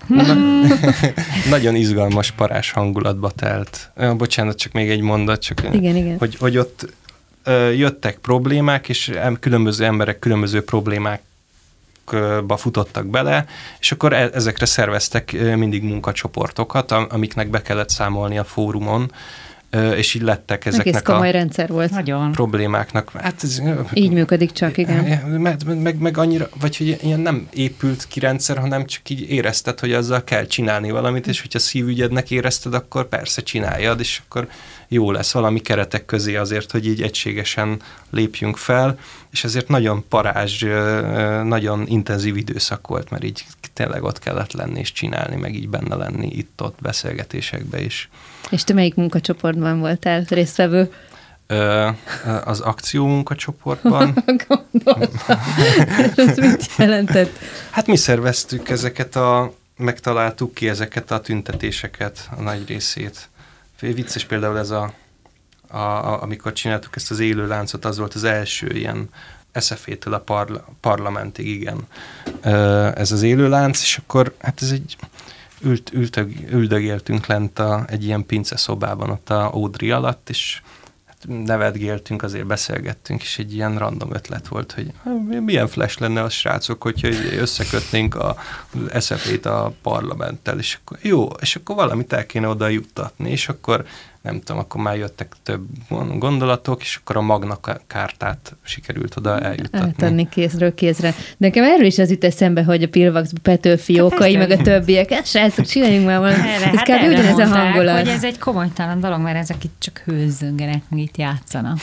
Na hőzögjünk, hőzögjünk. Hőzögjünk itt a hírekkel a Rádiókafén, és várunk benneteket vissza ide a kettes számrendszerbe eléggé szép dolgokba belecsaptunk az elmúlt egy órába, mint az SFE foglalás és morális kérdések, úgy, mint az SFE foglalás, illetve természetesen ugye a, a besúgó. Viszont te rólad nem beszéltünk még, és nem tudjuk, vagy hát a hallgatók sem szerintem, hogy hogy, hogy kerültél hogy keveredtél hogy ide? keveredtél a, a, a színészi pályára? Hát tíz évesen fertőztek meg. ők? ők, az, tudjuk azok. Ők, azok tudjuk ik. Nem, tíz évesen a Novák Eszter rendezett egy Szessuáni Jólélek című előadást, ami egy Brecht előadás Tatabányán. Mert hogy te Tatabány... Én Tatabányai vagyok. Nyai vagy. Akkor ott, ott dolgozott, igen, és én oda jártam néptáncolni, mert ez egy színház, népház funkciót töltött be, és oda keresett gyerekszereplőket, és beválogatott, és igazából hát nem fogtam fel semmit a Brechtből tíz évesként, hanem csak annyit, hogy volt egy velem hasonló korú srác, és vele bujócskáztunk végig a színházba, meg így ott voltunk, meg a Margitai Ági, meg Tótildi így jött oda, és házi feladatot csinált velem, és valahogy az egész légköre ilyen elbű, elbű, elbűvölő volt, és ott, ott ez megragadt, megfogott, és uh, amúgy vicces, mert, mert azóta találkoztam pár, mondjuk aki az apámat játszotta ott, most vele játszom Budaörsön a bűn és bűnhődést. Ki ő? A Hován Gábor. Uh-huh meg hát a Novák ott volt a felvételimen, meg... Emlékezett rád? Hát azért akkor még... Azt hiszem, igen. Akkor még biztos a... nem kopasztottál. Á, bocs, ne. De azóta, ez, ez gyerekkori. Tényleg? Igen, igen. De ez nem jó. Látod, Intelligen... csinál a színház? Intelligencia háromszög. Igen, a nagyapámtól tanultam ezt a... szóval, hogy így Neked is ilyen szagok vannak meg abból az időszakból, hogy igen, színház szag? Meg igen, színház szag, abszolút színház szag, akkor még volt bendohányzás, és akkor Aha. ez a füstös akkor izé. Akkor még volt bendohányzás? Hogy volt, ne, volt hogy bőven. Ja, várjál, nem? Ne, Bocsánat. ugye, hogy nem. Te Na, tíz ugye? éves 2006-ban voltál. Hát ez az. Igen. Hát ez az, erről beszélünk. Olyan, most akkor lehet elárultam valamit. Hogy... Hát ott még a büfében, én emlékszem, ja, hogy ott még, igen. Még, Persze, még... mentek a sztorik, gondolom. Mentek a sztorik. De egyik... várj, de hogy nézett ki a kiválasztásod? Tehát mit tudom, bement egy, mert ugye azért tudjuk, hogy a Novák Eszternek van a néptánchoz is elég sok köze, és akkor mit bement a csoportotokba, és azt mondta, hogy te meg, te gyertek, és akkor nézzük, próbáljuk ki. Így. Értem. Pontosan így. Neki biztos voltak valami szakmai szempontja is, de én ennyit fogtam fel, hogy ott ugrós táncolunk, igen, valami izét, és akkor utána meg így szólt, hogy uh, aztán utána jött ott Tatabányán még egy előadás, amit a Harsányi Súlyom László rendezett, aki akkor volt az igazgatója a színháznak.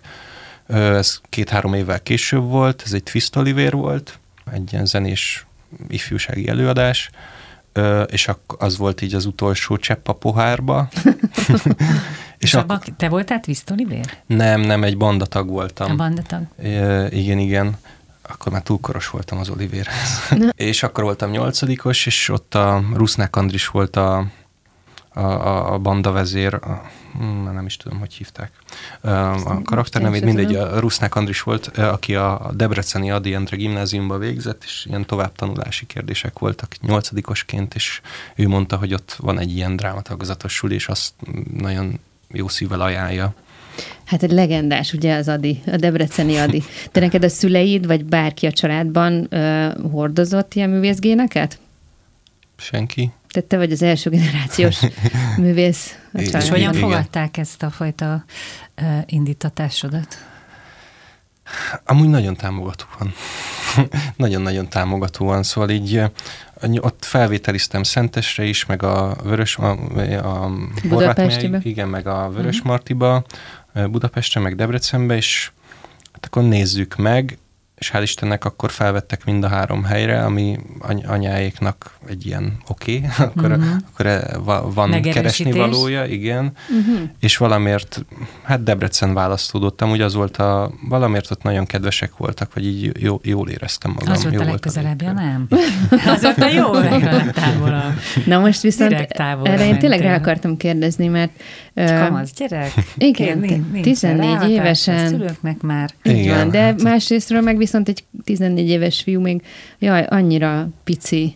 Nekem 13 évesek a gyerekeim, és tudom, hogy 14 éves fiú még nagyon pici. És, és én azt gondolom, hogy egyébként meg tudja nagyon erősen határozni az, azt, hogy milyen emberé válik az ember, ha ilyen korán elmegy otthonról, például mondjuk önállóságot sokkal hamarabb tanul meg. Vagy, Én mondtatok erre valamit? Mert nekem, igen, csak hogy nekem van ilyen ember az életemben, aki tudom, hogy azért lett olyan, amilyen, mert 14 évesen elkerült otthonról. Például te is, Behumi Dóri? Én, én egy te, teljesen Budapest közepi értelmiségi családba születtem, majd elmentem vidékre két évre. Te is 14 évesen? Még nem is voltam 14. Tehát Jó, én te akkor, lány vagy. Akkor töltöttem be a 14-et, amikor elsős gimnázium, és elmentem Konziba de nem Budapesten jártam, mert Vácra elmentem, és ha attól függetlenül, hogy Vác, az közel van Budapesthez, én kollégiumban laktam két évig, csodálatos. Életed legszebb?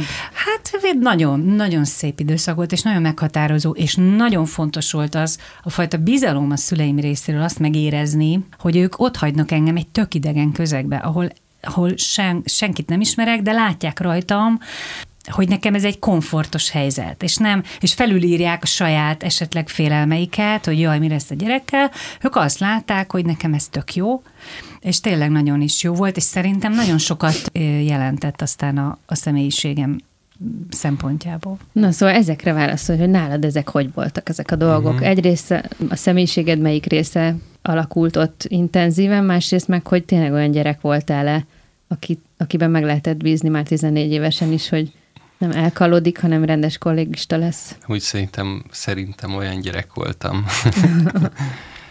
hát azért egy, egy, egy, egy ilyen keresztény konzervatív családból jövök. Igen, szóval, hogy, hogy ilyen alapokat kaptam, és ezt am, amúgy szerintem a mai napig meghatároz, szóval de itt volt egy vicc, vicces történet, anya azt mondta, hogy menjél kell beszélgessek az egyik barátnőjével mentem beszélgetni, és kiderült, hogy egy pszichológushoz küldött, hogy így megnézze, hogy... Alkalmas vegye ja, arra, hogy önállóan? Igen. és mi, mi, mi Azt mondta, hogy alkalmas vagyok, szóval elengedett. De hát nagyon féltek, mert hogy ez nem, szóval hogy ez 220 kilométer, uh-huh. hogy nem, nem az van, hogy történik valami a gyerekkel, és akkor ott vagyok a kocsival, hanem, hanem igen, igen az, az több órás út. Sokkolt téged ez az életváltás, életmódváltás? Nem, nagyon élveztem. Én iskoliba laktam, de én csak két hónapot. Aztán utána elköltöztem egy családhoz albérletbe, és ott béreltem egy szobát egy-két évig, aztán utána egyedül albérletbe. így zajlott. Azt nem tudom, hogy a személyiségemnek mekkora rész, vagy hogy milyen hatással volt rá. Te önálló hát, ember vagy? Például ilyen nagyon, tehát kitalálsz valamit, akkor azt végigviszed egyedül? Ilyen típusú tulajdonságod van? Van, van, van, van. Mert szerintem ez nagyon tud fejlődni egy ilyen esetben. Hát magadra vagy utalva. Van, hát azt is igazából egyedül találtam ki, hogy ezzel akarok foglalkozni, és hogy már azért mentem oda a gimnáziumba, hogy vegyenek fel nagyobb eséllyel az egyetemre, uh-huh. és hál' Istennek ez összejött. Uh-huh. Hát önálló szóval, hogy így meg kellett tanulnom főzni, mosni, meg így takarítani, meg így figyelni magamra kicsit azért, meg így, így intézni ilyen dolgokat úgyhogy biztos, hogy hozzátett. És mennyire voltál szabad? Nagyon, Maga? hát nem kellett leharcolnom a lázadó korszakomat a szüleimmel. Na ez az, ez kimaradt teljesen. Ami nem tudom, hogy jó vagy rossz igazából. Mert... És később sem? Nem történt meg aztán? Nem nagyon. Még megtörtént. Vagy hát mondjuk az ilyen ilyen, ilyen dohányzás. Szia, anya. ja, hogy még nem tudja. De nem, de nem De tudja, tudja, csak, sőt, hát ő vett nekem hamutálat, hogy... Kisfiam, ne a padlóra. Debrecenbe. nem, azt nem úgy most vesz már az egyetemi évek alatt, de, de mondjuk előttük nem, nem gyújtok rá, vagy hogy azt uh-huh. így tiszteletet betartom, hogy ők ezt nem szeretik, és akkor uh-huh. meg, hogy így rossz érzés is lenne nekem is. És akkor, hogyha otthon vagyok, akkor egyáltalán nem. De mondjuk erre hát rájöttek, hát ne, nem volt nehéz rájönni. És kaptad a pakokat, Minyilas Misi? Debreceni diák? Igen, igen, igen, igen, igen. Nem volt benne cipőkenőcs, de... Nem volt benne. Kis hazairántott finom, hús. Finomság. Az, az, az volt benne sok. Úristen, tényleg, és vasárnaponként a kolezó olyan szag volt, tudod, mindenki hozta otthonról a rántott húsokat, meg mindenféle kajákat. Na de azt mondjátok meg, akkor ti művészei vagytok a rántott hús melegítésnek, gondolom. Ezt hogy kell jól felmelegíteni? Hát én nem tudom, mert akkor például nem volt mikrohullámos sütő, amikor én kollégista voltam. Hova tovább? Én akkor voltam kollégista, amikor a amikor tüzet kellett rakni. Nem, egyébként nem, mert annál kicsit később, mert ugye én, hát én a rendszerváltáskor voltam pont, tehát azt hiszem 90-ben. És Gergő, te tudod, hogy kell felmelegíteni egy rántott hús? Mert nem, tudod, nagyon meg kell mikrózni. Meg kell mikrózni. Persze hülye vagyok, hát a pakkol kap az ember, akkor hidegen eszi meg. tényleg sokkal jobb hidegen. Két kenyér hozzá, vagy így kenyér között hús. meg így, ja. Mi? Na és akkor te ilyen abszolút céltudatosan már akkor tudtad, hogy azért kell ilyen típusú iskolában, egy drámatagozatra, hogy onnan aztán nagyobb eséllyel, ez hihetetlen tényleg, hogy 14 évesen ez benne van az ember agyába. És akkor, de én azt számoltam, te 20 voltál, amikor fölvettek. Uh-huh. Tehát akkor végül is kimaradt két év. Nem, egyből felvettek. Hát te két évesen születtél?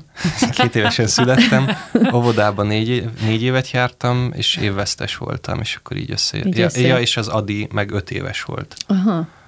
Stimmel. Én láttalak verset mondani most a Youtube-on. Úristen. Youtube-on. Egy kemény verset, ami nagyon-nagyon jó vers, nem is ismertem. A Királynál. A Királynál című verset, szuper volt. És akkor pont ezen gondolkodtam, hogy ti biztos iszonyú jó versanyagot tudtatok összeállítani, vagy összeszedni egy ilyen drámategozatos iskolában, meg nyilván volt annyi előnyötök, hogy már ilyen értelemben kaptatok színházi instrukciókat, vagy azzal kapcsolatos instrukciókat, hogy mi áll jól, mit, mit érdemes mondani, stb. Abszolút.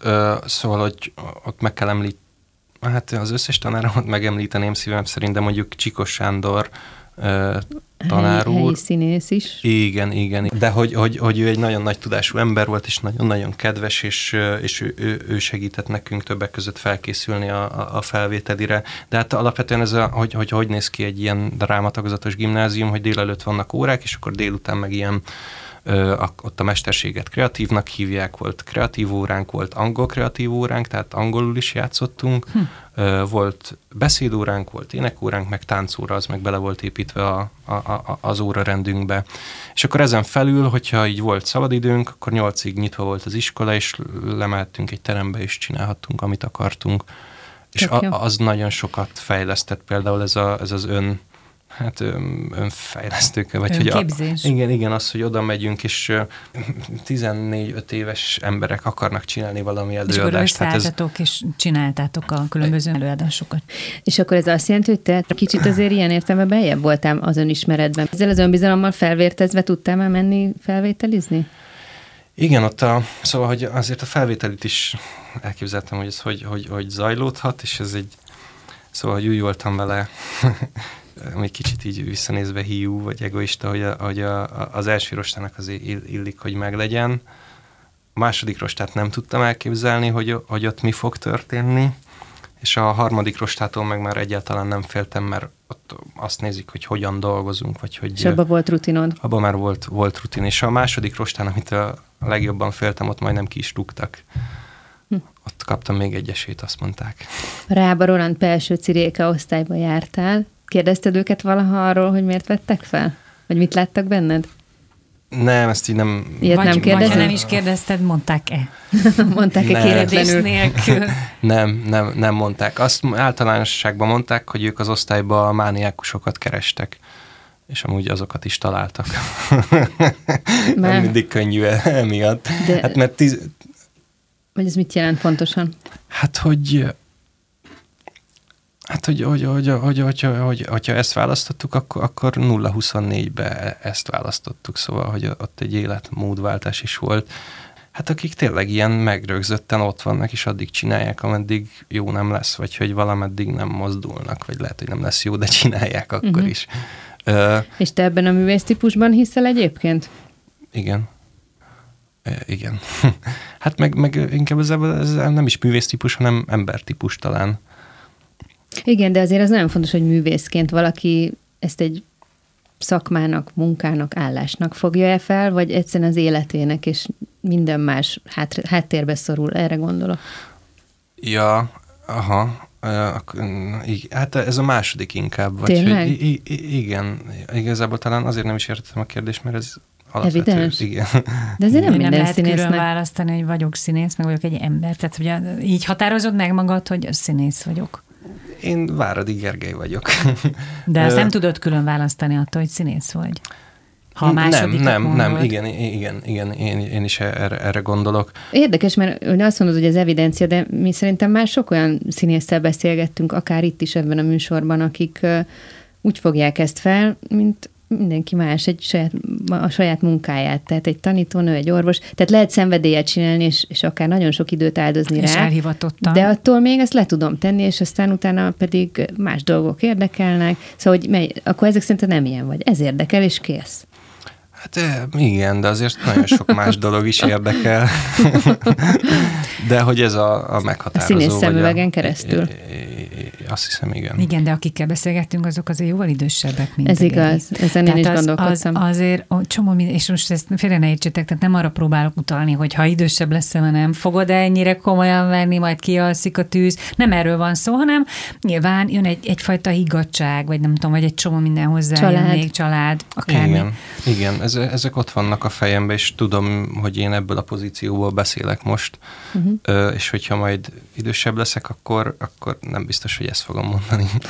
Meg szerintem van ebben egy olyan is, hogy aztán cáfolj meg, hogyha nem, nem így gondolod, vagy te nem így működsz, de egy fiatalon az ember, ha minden energiát beleteszi valamibe, akkor azért abban az is benne van, hogy, hogy folyamatosan keresgél, hogy, hogy minden, mindenfélét ki kell ahhoz próbálnia, és ezáltal határozza meg önmagát, mert hogy egy 20 éves ember, az folyamatosan magát is akarja meghatározni a világban való helyét, és ezért hogyha mondjuk van egy ilyen nagyon elhivatott szakmája, akkor abban nagyon sok minden, belerak. belerak, és mindent ki is akar venni, mert uh-huh. válaszokat akar a kérdéseire találni, Viszont idősebb korában meg már lehet, hogy egy csomó választ megtalált, Igen. ami nem azt jelenti, hogy nincs mit tovább keresgélni. De vagy hogy, ő írja a kérdéseket.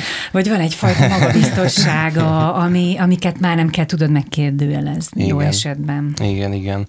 Mondjuk igen, és de viszont azt nagyon fontosnak tartom, még így a, majd a jövőbeli magamnak mondom, hogy a rugalmasság vagy a nyitottság, szóval az, az, hogy szerintem így működnek a dolgok, mert egyszer már kipróbáltam, és úgy működött, ja, hogy jó volt, hogy nem, nem biztos, hogy ez kizárólag így van. Úgyhogy ezt felírom a naptáramba. Hogy... Jó, de most meg lesz, mert rögzítettük. ja, jó, ja, kösz. Csak kell hallgatnod. szóval egy, ott volt tizenvalahány mániákus, ahogy te fogalmaztál, fiatal ebben az osztályban? 11, igen, és nehéz 11, volt. 11-en mert... voltatok? Igen. Az egyébként normális létszám? Ez egyébként normális? nem, csak nem tudom, hogy mostanában. A normálisnak az alja, mármint hogy, hogy mi voltunk azt hiszem a legkevesebben, mármint így az osztályok közül, olyan 13-4 fő szokott, 15 uh-huh. szokott lenni.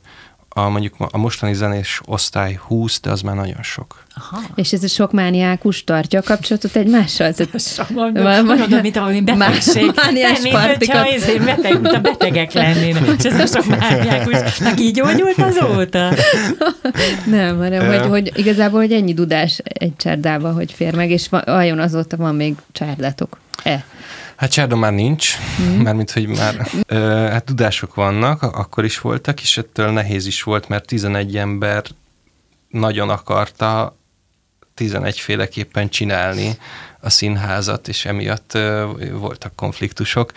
De hát ez, a, ez főleg az első két évben volt nehéz kezelni, vagy hogy akkor még nem is tudtunk jól kommunikálni egy próba alatt ö, ö, egy, egymással és akkor szépen lassan azért ott is elkezdtek higgadni a kedélyek, és normalizálódott. normalizálódtak. Hát voltak tanáraitok, akik ezeket tudták befolyásolni. nagyon-nagyon jó volt a Réka meg a Roland, mert ezt a 11 mániákus embert nem a saját keretrendszerükbe akarták ben, belenevelni, hanem mindenkit a saját irányába toltak. Szóval, hogyha mondjuk nem tudom, valaki a, a, felé. Igen, igen a, valaki a pirosat szerette, valaki a kéket, akkor nem mindenkit a zöld felé fog, szok, vagy toltak, hanem, hanem a piros meg a kék felé. És ez nagyon-nagyon jó volt. Akkor ezek szerint azt kaptad a főiskolán, amire, amiről azt gondoltad, hogy, hogy ez lehet egy út, ami, ami mondjuk a színészet? Én azt hiszem, azt kaptam, ott kaptam egy elég erős kiképzést, uh-huh. meg, meg azt az alap közép és felső fokú tudást, amivel el tudok boldogulni. Nem sokára visszajövünk a kettes szemrendszerrel és Váradi Gergelyel vendégünkkel, de előtte kénytelenek vagytok egy picit elbúcsúzni tőlünk és mást hallgatni. Zenét, híreket, ilyesmit. Nincsenek messze a főiskolás éveid emlékei. Beszéltem egy picit erről, de hogy nyugtass meg, hogy már nincsen ez a fajta módszer, hogy, hogy mindenkit így lebontanak a, a nullára, hogy aztán újra felépítsék őket. Mert azt tudom, hogy azt mesélted, hogy volt egy, volt egy elég komoly koncepciója Rábaról annak és Pelső Cirékának, akik az osztályfőnökeitek voltak, hogy megszállottakat keressenek, ami hát önmagában már azért jelent egyféle dinamikát, de hogy még ez működik, ez a fajta módszer? Én, én ezt, szóval szerintem ez egy ilyen urban legend. A Réka meg a Roland ö, úgy kivétel is, mert talán az egyik legfiatalabb osztályfőnökök voltak, uh-huh. ö, és ezért könnyebb is volt a kommunikáció. Szóval, hogy igen, én arról tudok beszélni, amit én tapasztaltam, nincs ott egy ilyen direkt, tudatos lebontás, és akkor, hogy majd ők így a mesterek Szóval náluk nem volt. Ö, igen, de szerintem amúgy nagyon, vagy én, egyik osztályba se szerintem. Inkább az történik, hogy oda bekerül nagyon sok elvárással egy frissen felvett ember, és ö, nagyon nagy benne a teljesítés akarás, vagy az, hogy mutassa azt, hogy és ö, meg nagyon sok frusztráció keletkezik, mert, mert Szóval, hogy inkább ott az időbeosztás, lebontódsz magadtól. Értem. Uh-huh. nem, nem, nem csinálják ezt. Ott, szóval, hogy az időbeosztásunkról egy mondatot engedjetek meg, hogy ott a reggel 9-től vannak órák délután 6-ig, ott volt egy óra szünetünk, és utána a héttől ö, egyig bent voltunk, mert nekünk bent kellett maradni, ameddig nyitva volt az egyetem próbálni. Mi hogy kellett? Ja, mert úgy nem végeztetek. Hát egyrészt az, hogy időben is, másrészt, másrészt az, hogy volt szombat-vasárnap csak 10-től 10-ig. Volt egy olyan alkalom, hogy nagyon sok dolgot kellett csinálni, és nem volt elég jelenetünk, és mondtuk a Rolandnak, hogy hát bocsánat, de hát izé volt zenésmesterség, nem tudom, beszéd, nagyon sok izé, és egyszerűen nem volt idő, meg terem, mert hogy mellettünk volt egy másik osztály, ott volt még egy rendezőosztály azon a szinten, és nem, nem voltak termek, és akkor mondtuk, hogy bocsánat, Roland, de hát nem tudtunk hol próbálni. Igen, igen, izé, át akarnak verni, de nem, Roland, nem. Jó, és azt csinálta, hogy bejött vasárnap 9-től 10-ig a este, az utolsó egy órára még nyitva volt az egyetem, és bejött, és valaki pont akkor mondta le a próbáját. Nem tudom, valami beteg lett, vagy volt valami dolga, nem tudom. És Roland azt csinálta, hogy így ott ült egyedül egy órát így a terembe, és várta, hogy na ki fog jönni próbálni, mm-hmm. és mhm. másnap kaptunk egy fejmosást. Hogy... És bebizonyosodott, hogy mégiscsak átvágtátok. Jó, de szerintem, amit a Dóri kérdezett, abban már nekem egy kicsit ez is benne van. Tehát, hogy ne úgy tényleg reggel 8 hajnal egyig kell tanulni egy szakmát, tényleg minden hát, nap. Volt annyi feladatunk, szerintem hogy ezt ez... csináljuk ott. Aha. Igen, de szerintem az, ami, amit én kérdezek, abban azért egy csomó hierarchikus dolog is benne van, és azt simán el tudom képzelni már, hogy egy másik generáció már azért ezeket elengedi. Igen. Tehát, tehát, hogy nekik nincs az a fajta agylövésük, hogy amit én beléd látok, Igen. vagy amiről majd kiderül, hogy te önmagadban nem az vagy, aki, hanem majd itt majd kinöveztünk belőle egy Hát valakit. meg ez a pusztulj bele, és csak akkor születik majd belőled, nem tudom, fönix madárként valami e, igazi művészet. Hát ez a pusztulj az bele volt, volt, hogyha volt, de... Mondom, de... ez ez ugyanaz. De közben hát ez a, ugye ez a mániákusságnak a, egy ez a mi osztályunknál volt főleg, uh-huh. hogy, hogy ott, és uh, amúgy meg szerintem, vagy hogy én, én, én ezt bírtam, mert hogy ott raktak ránk egy akkora terhelést, hogy, hogy amit, hogyha meg tudsz ugrani, akkor utána szinte bármit meg tudsz majd ugrani. Mint például egy ekkora sorozatnak egy ekkora a főszerepét. Hát ez egy nagyon nagy munka volt, ez 65 napot forgattam a 72-ből, uh-huh. Mhm. és ö, Szóval, hogy nem is így egy... Szóval, hogy Visszatértünk egy nap... a besugóra, csak zárójában mondom, igen, csak hogy értse ja, a, hallgató, igen, igen. a hallgató gyerekek is lássák. Hogy nincs nagy különbség egy, egy besugó forgatás, vagy egy uh, gerilla forgatás között, annyi a különbség, hogy az háromszor olyan hosszú, és ott egybe forgattuk, szóval nem volt közte szünet, mert itt ilyen nagyobb szünet, és uh, igen, és ez nagyon megterhelő volt. Közben írtam egy szakdolgozatot, meg közben ilyen magánéleti dolgok bejöttek, és az nagyon kemény volt. Uh-huh. Szüleid mit szóltak a besugóhoz? Hiszen ők éltek akkor, amikor ez Hát éltek, ez ők volt. is mondták, hogy nem feltétlenül így voltak a dolgok, de igen, ott vannak összekeverve ilyen módszerek, a, az, á, az ávóval. Á, ávós módszerek, ami a, valami a, inkább az 50-es évekből uh-huh Hát való. igen, a tartott tiszt plusz a besugó viszonya, az azért nem biztos, hogy 85-ben így volt. Hát meg a beszervezésről is ugye azt mondják, mm. hogy azért nem így történt. Igen. Igen, de én annyira sajnálom ezeket a kritikákat, amik ilyen nagyon élesen... Hát mert a lényeg, mert a lényeg azért nem ez, hogy most a most nem a részletekben van ilyen szempont. Hát persze, valóban. meg egy történelmi kort feldolgozni, hát sokféleképpen lehet, ez egy volt. De hát tetszett nekik, meg nagyon büszkék voltak a kisfiúkra. Mm. Na most viszont eljutottunk oda, hogy el kell mondanod, hogy téged hol lehet és miben ö, látnia annak a hallgatónak, aki nézővé szeretne válni. Akkor most jön a reklám helye. Hát igen, de hogy igazából így a feladataidról is mesélhetnél, tehát hogy most nem feltétlenül, hogy mikor, hol és mit, hanem hogy tulajdonképpen mik azok, amik hogy megtalálnak mit? téged. Tehát milyen típusú Vagy színész... mit vállalsz el? Mert ugye a beszélgetés elején kiderült, hogy sok mindent azért a besó óta visszautasítottál.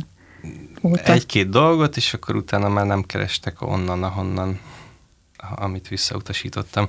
Ö, de hát azt mérlegelted, nem? Persze. Hogy ez persze. így lesz. De igen, de ez, ezek mondjuk, mondjuk ez kifejezetten a filmeknél van. Igen, én most én is a színházra gondoltam, de filmet is mondhatsz, hogyha most filmezel, bár mondjuk a film kezd megint Filmeztem. légüres térbe kerülni. Igen, igen, sajnos. Még, még, még, a, még ezelőtt a légüres tér előtt csináltuk a Tóth Barnabással, aki az, akik maradtak ott rendezte. Ö, a Mesterjátszma című produkciót, ami, ami most már azt hiszem elkészül, de még nem, nem jött ki, vagy valami még ott van. Elvileg nem sokára ki fog jönni. De hogy színházba... De várj, akkor mondja erről valamit, tehát ebben mi vagy, és milyen műfaj? Ebbe ez a, a hát egy ilyen akció, thriller, uh-huh. van benne szerelmi szál. És gonosz vagy, vagy nem? Nem, ott jó vagyok ott jó De vagyok. akkor ez egy, ez egy, ez egy közönségfilm. Igen, igen, igen, uh-huh. igen, igen, abszolút. Hát egy ilyen zsánerfilm. Uh-huh. 56, utolsó diszidáló vonat Ausztriába. Uh-huh. Uh, Találnak egy, téged azért egy, ezek a, a történelmi Igen, egy, a, a forradalomba harcolt fiatal próbál, Gerilla. Igen. igen. próbál kiszökni a, a, a frontra. Amúgy vicces, mert a, csak, csak egy, egy ilyen zárójel, hogy Geri, vagy olyan szerepek találnak, ami egyrészt ilyenek, de hogy a, a nevemet játszom általában, vagy amiben igen. benne van a nevem, Gerilla. Igen, mert Gerillában is ugye, ott is ott meg a szabadságharcos. I- igen, igen, igen. Vagy bújdokról, pedig bújdokról vagy. Itt a mesterjátszmában meg, meg István vagyok, ő meg a nagyapám volt, szóval ilyen, ilyen, mindegy, ez csak akkor nekem vicces. Hát igen, mert valahogy minden, mindent meg lehet magyarázni, hogy az ő és a szomszéd, Laci. Hát most minden. És már vonaton is ültem annak. igen. igen, igen. De hogy ott is egy ilyen forradalmár szerep megtalált és akkor ezzel le is kerekíteném. Jó. Mondjuk a Trafúba van a Dollárpapa gyermekeivel, amit a, az Ördög Tomi és a kisvégem őket csinál, társulat vagy társulás. Ott van a Lady Chatterley című előadás, azt talán is ismerem. Hát én filmből a... ismerem, nem láttam még színpadon. I, I, hát csak így a történetét. Uh-huh. Meg amúgy most jött ki egy Netflixes dolog is a Lady Chatterley-ből. Filmként. Filmként, Aha. igen, igen. De erről van ott egy nagyon jó előadás, ahol benne Tehát van ez rá... egy valami erotikus dolog, nem? Tehát ez egy ilyen erotikus dráma. Igen. Az hát a... most ezt ilyen nagyon elmarasztalóan mondtad, de hát az valami erotikus előadás. Nem, hát mert ugye a forradalmi tematikából kiestünk. Ja, abból ja, abszolút. Ja, és ezt a... rossz, rossz, ne haragudj, hogy rossz néven beszél, hogy akkor most már ilyeneket nem lehet. Játszhatsz mást is egyébként, csak igen. Ott mondjuk a Rába Rolanddal együtt játszom, akivel fura volt itt találkozni, mert osztályfőnököm volt. Igen. Mester. Mester, igen. De van ugyanezzel a társulattal egy Picasso című előadás És mi a társulat, nem mondtad? A Dollárpapa gyermekei. Ja, a, a társulat neve, igen. Egy Picasso című előadás is, ami meg Picasso élete és a, ez a cancel culture témakörrel foglalkozik. Hmm már hogy hogy jön hát ez olyan, össze? Hát úgy, hogy bemutat egy ilyen, egy, egy tényleg mindenki által ismert művészt, és annak uh, az életét, és hogy mennyire elviselhetetlen egy ilyen figura, uh-huh. és uh, igen, hogy, hogy... Hogy őt még elviselték, mert ez egy olyan korszak volt. Hát igen, és vagy igen, ezt a kérdést És azért, mert valaki, valaki művészileg kimagasló emberileg. Hát ez egy Igen, nagyon fontos hogy, kérdés. Hogy, hogy mit engedhet hogy meg mit engedhet Igen. És hogy ez a művészetének a megítélését mennyire befolyásolja akár az utókornak, Igen. hogy akkor én most nem hangatok több Michael Jackson, tudod, ezek a meg nem szokás, nézek meg nem nézek Kevin Spacey-t. Igen. Igen. Tudom, fú, gyerekek, erről még két órát lehet. Igen, meg erről ezt mindig meg szoktuk kérdezni a színészektől, és most ezen nagyon vacilálok, hogy ezt most így hozzuk ebbe Ja, hogy... Hát igen, hogy te mit szóltál az elmúlt időknek a, az hasonló ügyeihez? Hát ő szerintem kivette a részét másba, amiben ki kellett venni a részét. Hát sajnos ebbe is belecsöppentem. A színházon keresztül? Uh-huh. Bántalmazásra gondolsz? Mm. Mondhatni? Uh-huh. Volt két ilyen esetem, ezt nem feltétlen, ez mindegy de hogy, hogy, hogy megtapasztaltam ezt közelről is, és, és persze nem a túltolt verziója, mert azzal nem értek egyet, de hogy alapvetően nagyon fontos erről beszélni. Pont ezért, hogy mit engedhet meg amúgy egy, az, az ember, uh-huh. és nem a szín, színész, vagy rendező, uh-huh. vagy hogy ebbe a viszonyba. De ez egy hatalmi ö, helyzet volt? Hát általában abban történik egyébként. így bántalmazásért. I- igen. És te kezdtél ezzel valamit? Mert hogy ugye ismerjük a nagy sztorikat, ahol végül is valahol már egy egész társulat kiállt, mondjuk például Eszenyenikőnél, és érte el azt, hogy ne maradhasson tovább az igazgatói székbe, vagy az abban a pozícióban, ahonnan ezt megengedhette magának. Te ezzel tudtál kezdeni valamit? Te? Az egyik az, az, az mondjuk egy ilyen pár éve volt, és ez nem is volt annyira durva, de ott azt tudtam csinálni, hogy felállok abból a produkcióból, és ott hagyom. Uh-huh. A másik meg még a még a tatabányi korszak alatt volt, ott, ott azt, azt, azt elzárta az agyam. Hát egy, mert még kisfiú voltál. Igen, igen. Aha. Ö, egy, egy jó időre, és, és az egyetem alatt jutott először eszembe, ami ilyen, tehát olyan 8-10 év, mire így egyáltalán eszembe jutott, hogy ilyen történt velem aztán megint elfelejtettem pár évre, és amikor a, amúgy a besúgó forgatás alatt ott volt ez, ez a nagyon megterhelt időszak, ott volt egy ilyen kisebb krach, és akkor... Idegi? A, igen, igen. igen, bocsánat, csak hogy azt is kontextusba, szóval, hogy ott három hónapot uh, karanténba voltam zárva, szóval, hogy egy taxiban nem ülhettem be. Uh, ami De alap, miért? Hát, hogy véletlenül se kapjam el a Covidot, és ne álljon le a forgatás. Mert hogyha én kiesek, akkor ott az, az, az nagyon-nagyon sok pénz. Ö, és ez, ez rántotta ki az agyadból ezt a krachot? Hogy, hogy így be vagyok zárva, és akkor elmegyek forgatni, leforgatok 13-4 órát egy nap, mert nagyon durva tempó volt, és akkor hazamegyek, és akkor este nekiállok írni a szakdolgozatomat, és akkor közben az az ember eltűnik az életemből, aki, aki még addig ott volt, és akkor ez a teljesen egyedül maradás kicsinált, és akkor uh, jött elő újra ez a dolog, vagy jutott eszembe újra ez a dolog. De rendes posztraumáson? Hmm, nem, hanem, hanem ott olyan dolgok történtek, és én is úgy viselkedtem, amiket nem értettem, hogy miért viselkedek így. És akkor, akkor elmentem egy pszichológushoz, és akkor dumáztunk, és ott jött fel egyáltalán, hogy van ez az emlékem, és akkor onnantól kezdődött el ez, ezen való dolgozás. És akkor ezt te magadban intézed, de utólag nem mész oda az illetőhöz, és nem hívtad fel, és nem rottad fel neki, nem szembesítetted. Tehát ez egy belső munka, hogy ezzel a dologgal leszámolj.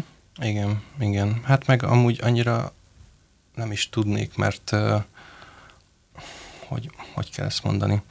Szóval, hogy egy, egy, egy fideszes polgármester valahol azóta. Uh-huh. Hozzáférhetetlen. Uh-huh. Meg a Meg, te szavad az ő szavával szemben. Igen, igen. Elengedtem, oda át el kell számoljon ezzel. És te hogy vagy belül ezzel most? Én azt hiszem, ezen dolgoztam, és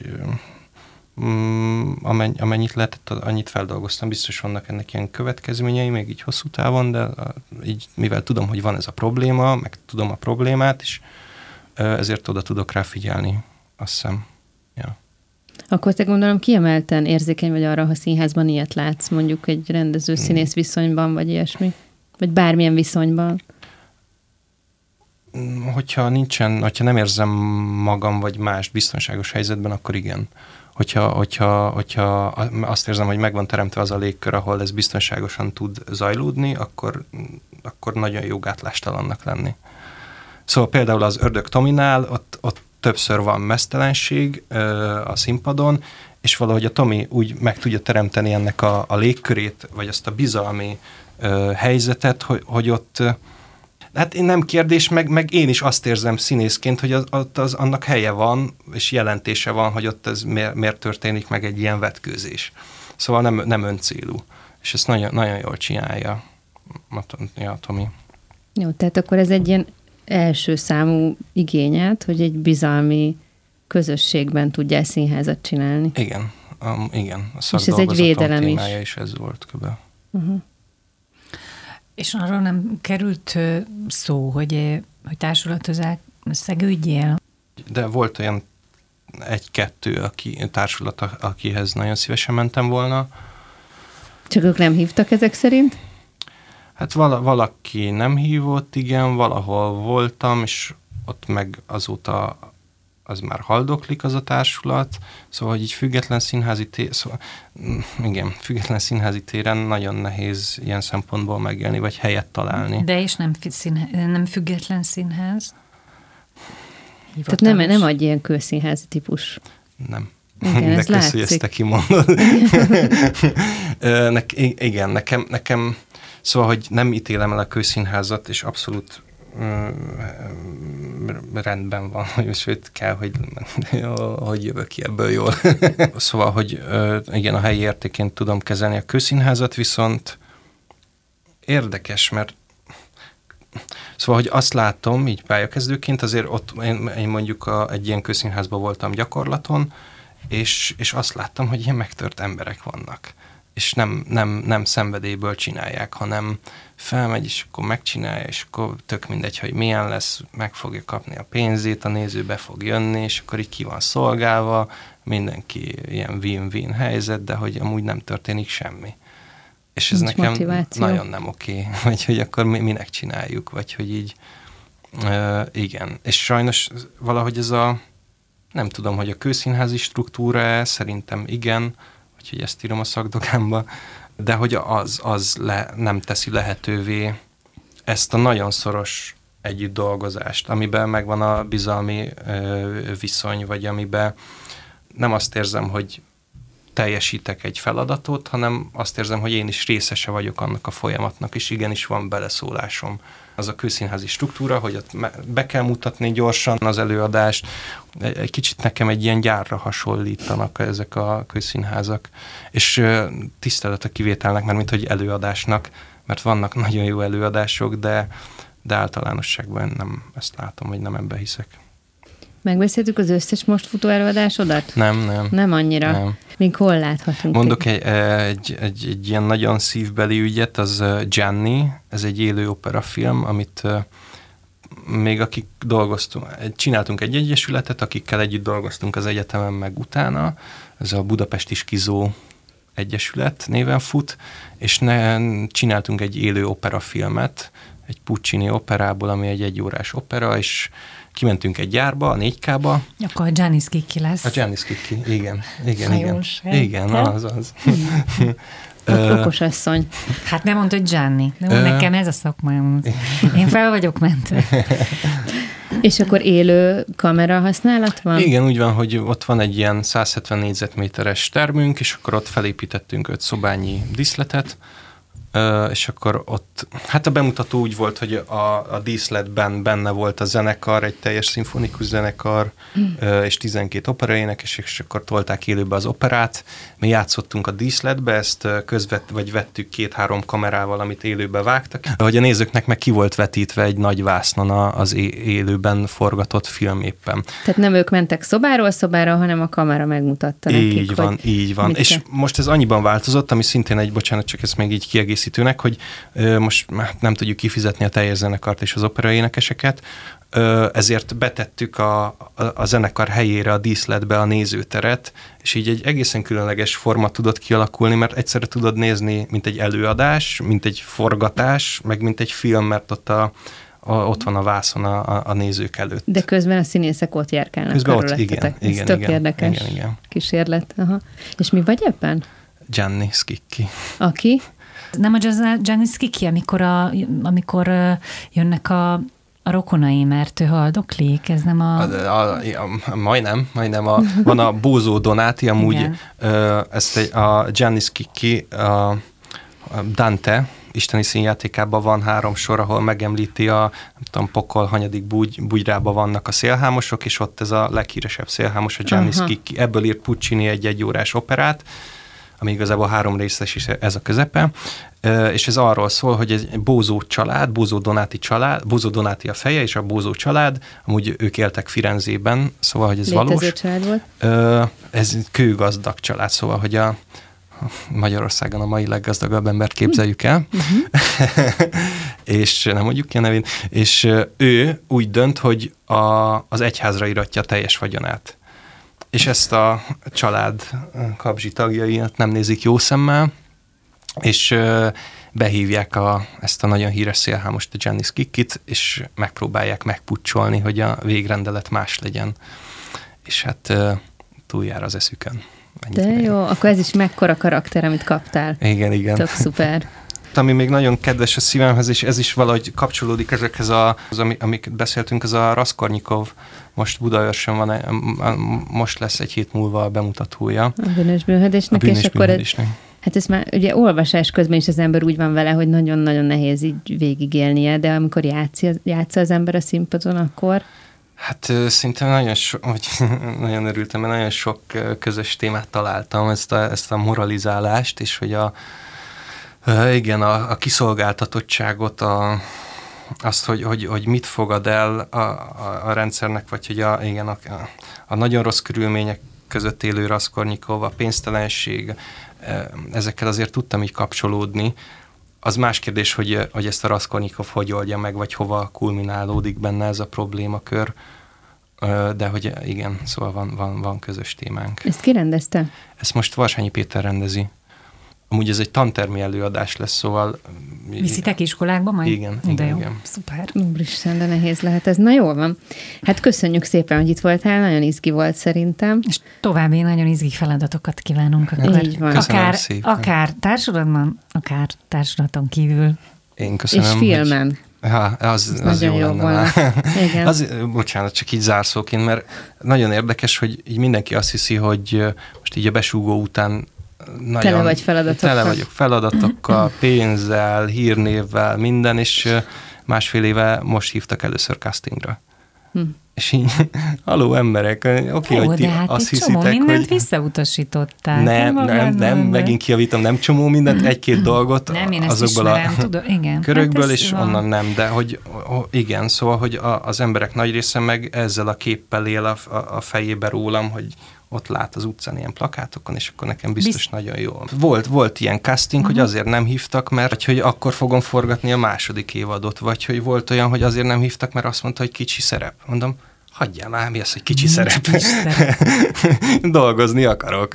Hát de hogy ezt nem. Jó. És szóval hogy ilyenek vannak. Igen, egyébként ez a hátulütője annak, hogyha valami siker gyorsan jön. Meg hát azon gondolkozom, hogy vajon ez mennyire skatúja ez a, ez a besugós Geri szerep, de nem az. Nem, nem szerintem sem Annál az. sokkal árnyaltabb. Nagyon, nagyon összetett figura. Igen. De jó. Na hát nagyon köszönjük, hogy itt voltál még egyszer. Vagy még van valami? Nem, én is nem, csak meg szeretném én is köszönni, hogy hívtatok. Jó. Köszönjük, és ti meg ne felejtsétek el, hogy vasárnap itt a Rádió Cafén hallhatjátok az ismétlését a kettesnek. Vessző, és utána pedig a Spotify-on meghallgathatjátok kettes számrendszer podcast név alatt. Sziasztok! Vessző, jövő pénteken újra várunk benneteket. Sziasztok! Hello! Kettes számrendszer. Veres Dóri és Behumi Dóri műsorát hallottátok. És bármikor újra megtehetitek a Rádiókafé 98.hu-n.